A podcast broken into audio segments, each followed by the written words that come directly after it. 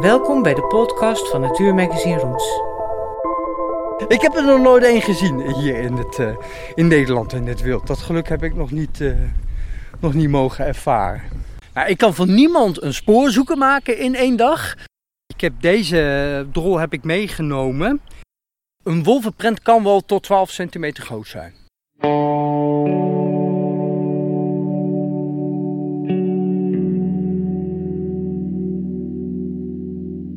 Je hoort hier Jeroen Kloppenburg, eigenaar van Wayland Tracking.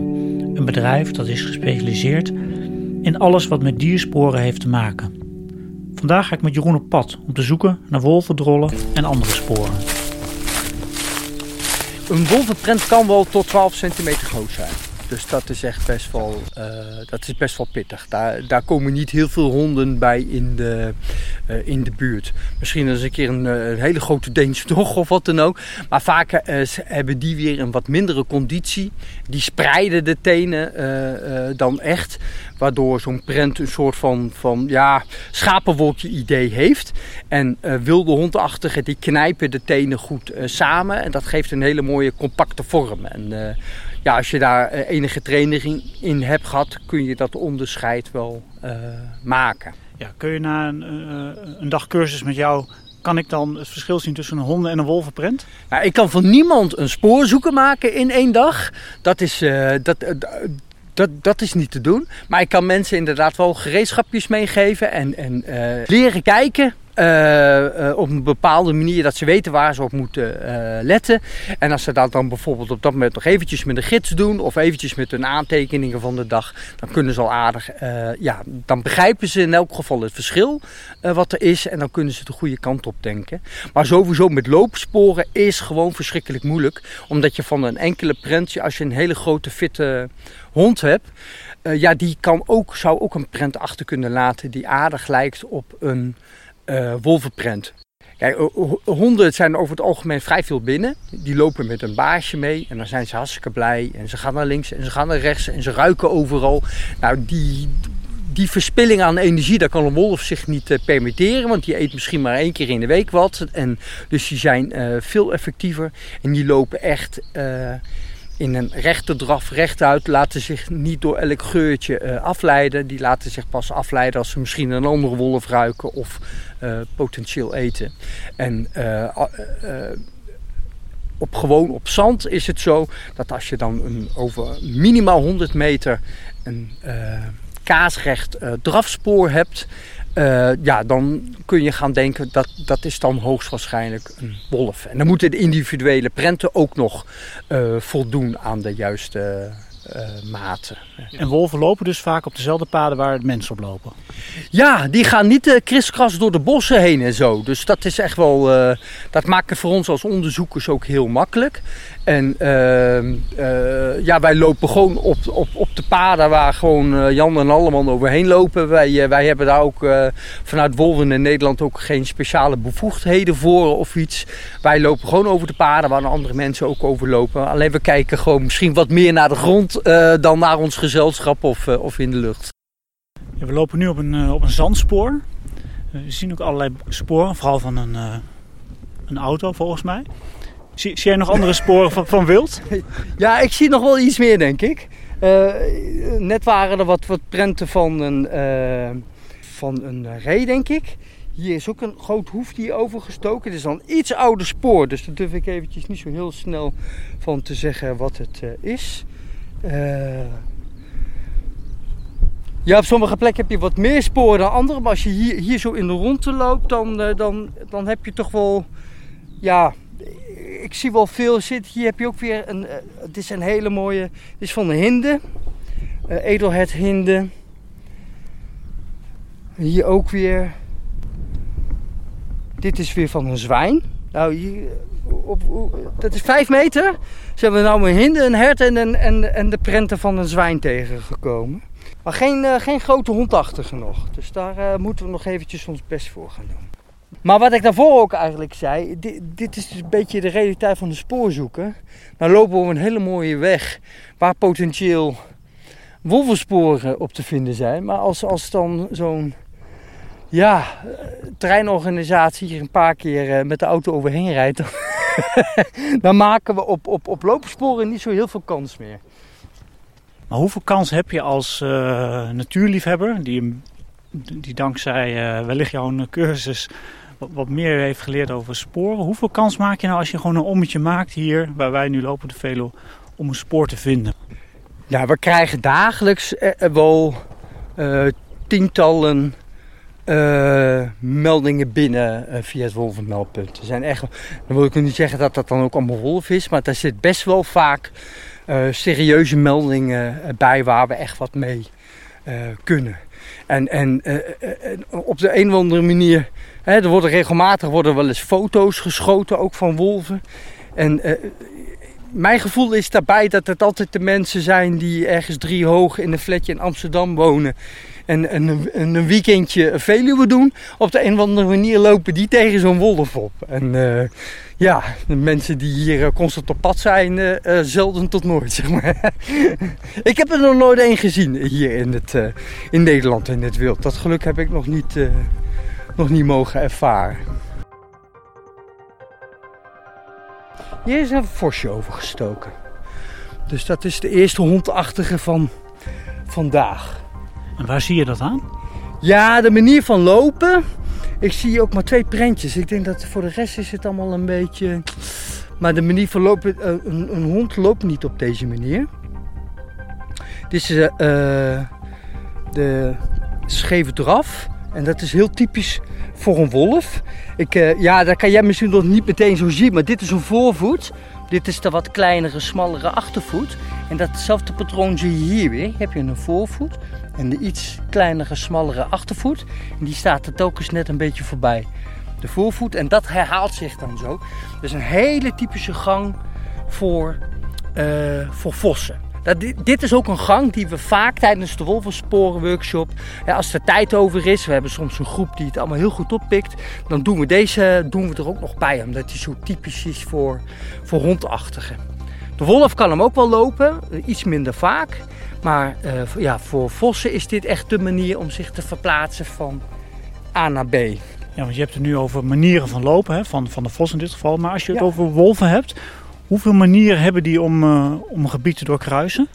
Ja, een, een wolf zal zich uh, vrijwel echt... voor een wolf is, is de draf, de, wat je noemen de gesnoerde draf, dat is eigenlijk wel het meest gebruikt. Dat is een het heet een gesnoerde draf omdat de achtervoetjes precies daar landen waar, ze, uh, waar de voorvoeten hebben gestaan. En uh, over het algemeen is het zo dat hoe sneller dieren lopen, hoe meer de voeten op één lijn komen te liggen. Als wij als, wij als mens langzaam wandelen uh, en we kijken achter ons, dan zie je een zigzagpatroon van linker en rechter voetjes. Maar ga maar eens wat snelheid toevoegen, dan zul je merken dat onze voetjes meer op één lijn komen te liggen. Nou, dat doen wolven dan ook. En uh, de, die term gesnoerd komt dus vanaf. Het lijken net zeg maar pareltjes aan een snoer. Dat, dat is het idee. Daar komt de gesnoerde draf uh, vandaan. Dus dat is eigenlijk al wat ze het mee, meest gebruiken. Maar als een, wolf gewoon uh, iets ruikt en een beetje heen en weer stapt, ja, dan heb je de stap. En dat is natuurlijk ook. Maar ja, vinden lopen ze tegen een, een prooi op of gaat ze erachteraan, ja, dan heb je de galop. En, uh, maar in de galop heb je ook weer diverse manieren van galop. Uh, ja, maar dat, dat, dat voert uh, voor zo'n cursus vaak te, te ver. We zijn nu echt op een, kruis, een kruispunt van, ja. van zandpaden. Wolven zien dus hetzelfde als wij. Een kruispunt waar andere wolven kruisen. Ja, klopt. Wolven doen dat heel slim. En sterker nog, ze houden zelfs ook wel rekening met de windrichting. Je voelt, uh, de wind komt nu uh, in ons rug. We lopen in de richting van het kruispunt. En als dit een echt een dominante windrichting is, dan, is het, dan doen ze het zelfs ook wel een stukje terug op, op, op deze weg de drol plaatsen. Zodat elke wolf die over het kruispunt heen loopt, die geur ook oppikt. En dat hij er niet net uh, langs heen zou kunnen lopen of wat dan ook. Ja, maar hier zit, uh, zover we weten, één wolf. Waarom leggen ze dan toch een drol? omdat ze, eh, eh, ja, dat is een hele goede vraag. Uh, wolven die doen het eigenlijk zo. Het zijn altijd de vrouwtjes die gaan op zoek naar een territorium. Dus een vrouwtje die gaat op een gegeven moment, die zegt van, hé, hey, ik vind dit een, mooie omgeving. Hier zou ik willen wonen, hier zou ik jongen willen krijgen. Nou, dan gaat ze markeren. En door, door dat markeren kan een mannetje, wolf, die langsloopt, ook ruiken van, oh, daar is hier een vrouwtje. En dat vrouwtje is nog op zoek. Dus nou, uh, dan vinden ze elkaar op een gegeven moment wel. En matcht dat dan met elkaar. Want hoe, kijk, als je twee bosmuizen hebt, een mannetje en een vrouwtje, dat is niet zo ingewikkeld. Hè? Dan zijn er vrij snel jongen. Maar hoe hoger je in de voedselpyramide komt, hoe slimmer die dieren zijn. En uh, bij wolven heb je gewoon echt verschillende persoonlijkheden, net zoals bij ons mensen. Dus dan wordt het nog even afwachten of het matcht met elkaar.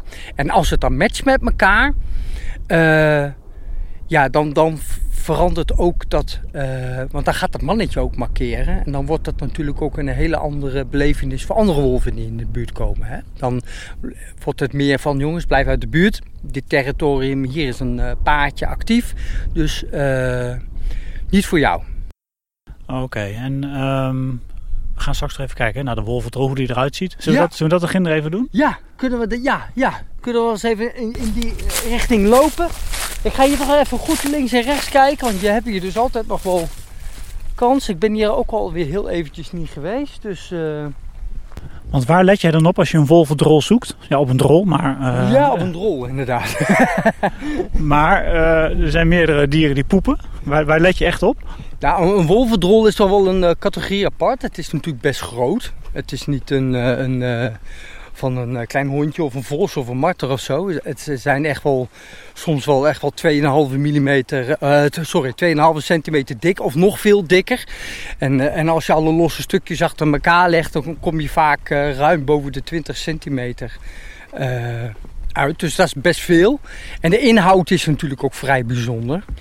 Uh, kijk, waar, waar onze. Ja, waarom ziet het er dan anders uit als een, wolf, uh, of als een hondendrol? Een hondendrol dat bestaat uit de resten van hondenvoer. En de meeste honden in Nederland krijgen heel veel zetmeel te eten in hun blikvoer. En dat is eigenlijk een, een heel onnatuurlijk dieet voor een hond. Hè? Een hond is in feite een carnivoor. Oké, en als ik een, aan een hondendrol denk, dan zie ik altijd één drol liggen op straat. Ja. Um, is dat bij een wolf ook? Is het gewoon één compacte grote drol? Ja, het bestaat wel uit segmenten. Zeg maar. het, is vaak niet één, één lange worst, zeg maar. Want dat is inderdaad wel wat je bij honden hebt. Maar honden hebben natuurlijk wel vrij en aardige brei.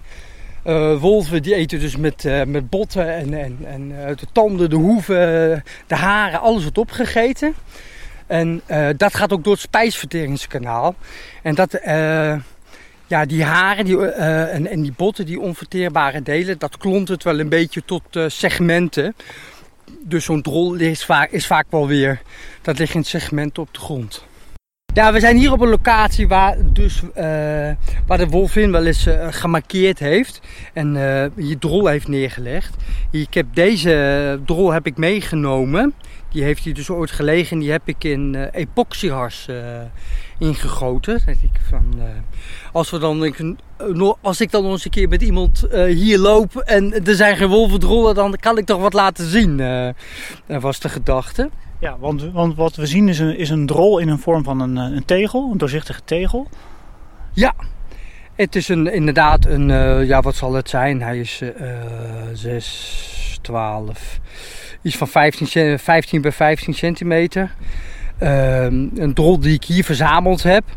Uh, zo'n, uh, mijn pinknagel is precies een centimeter. Dus het is 1, 2, dus ongeveer 2,5 centimeter op de breedste punten. Nou, dat, dat wordt wetenschappelijk, zeggen ze ook, op het breedste punt moet hij minimaal 2,5 centimeter. Of op het, uh, ja, minimaal 2,5 centimeter dik moet hij ergens zijn. Nou, en als je al die losse uh, onderdeeltjes achter elkaar legt, en dat is dan minimaal 20 centimeter, dat is dan ook nog een kenmerk, dan uh, ga je wel aardig richting wolf.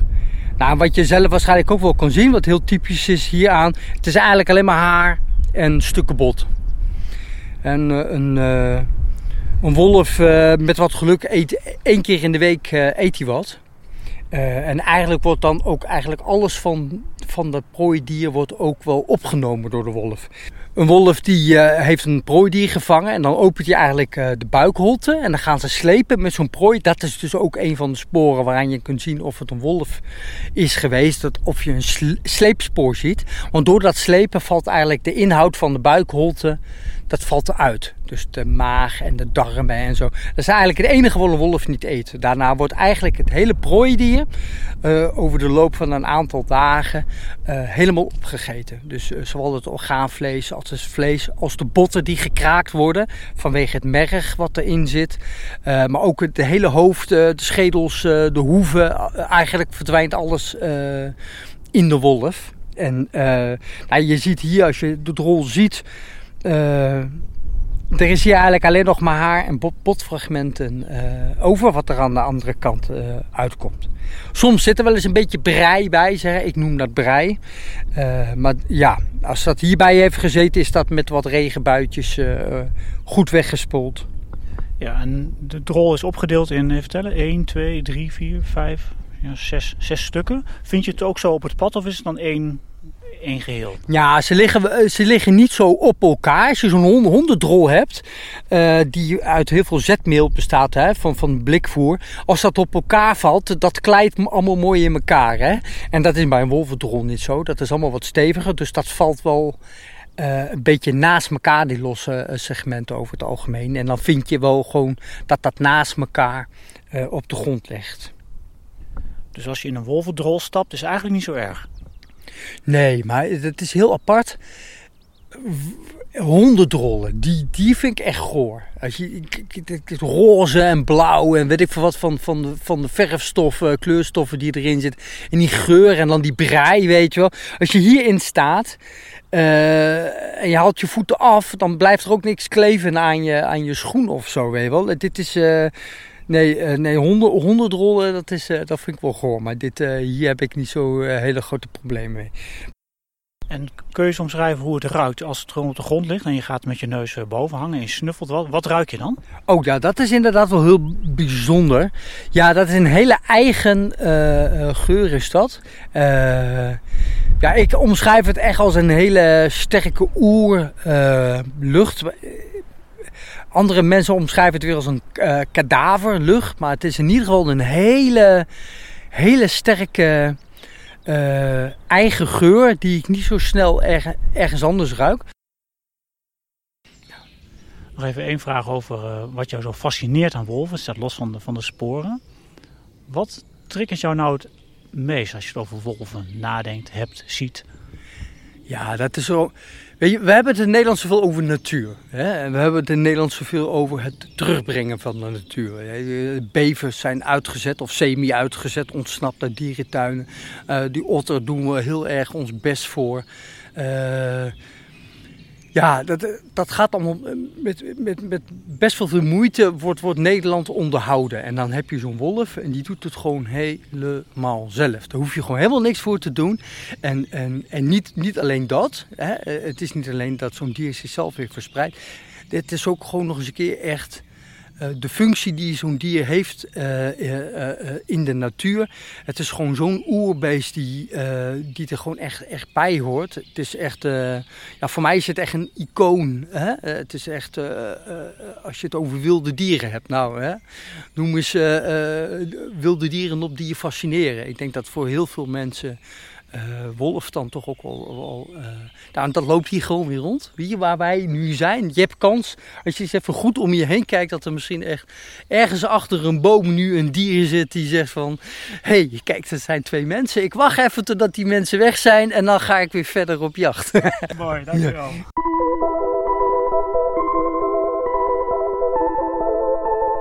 Leuk dat je luistert naar de podcast van Natuurmagazine Roots. Wil je meer weten over natuur in Nederland? Kijk dan ook eens op onze website rootsmagazine.nl. Heb je nog vragen of opmerkingen? Mail ons gerust. Dat kan op info@rootsmagazine.nl.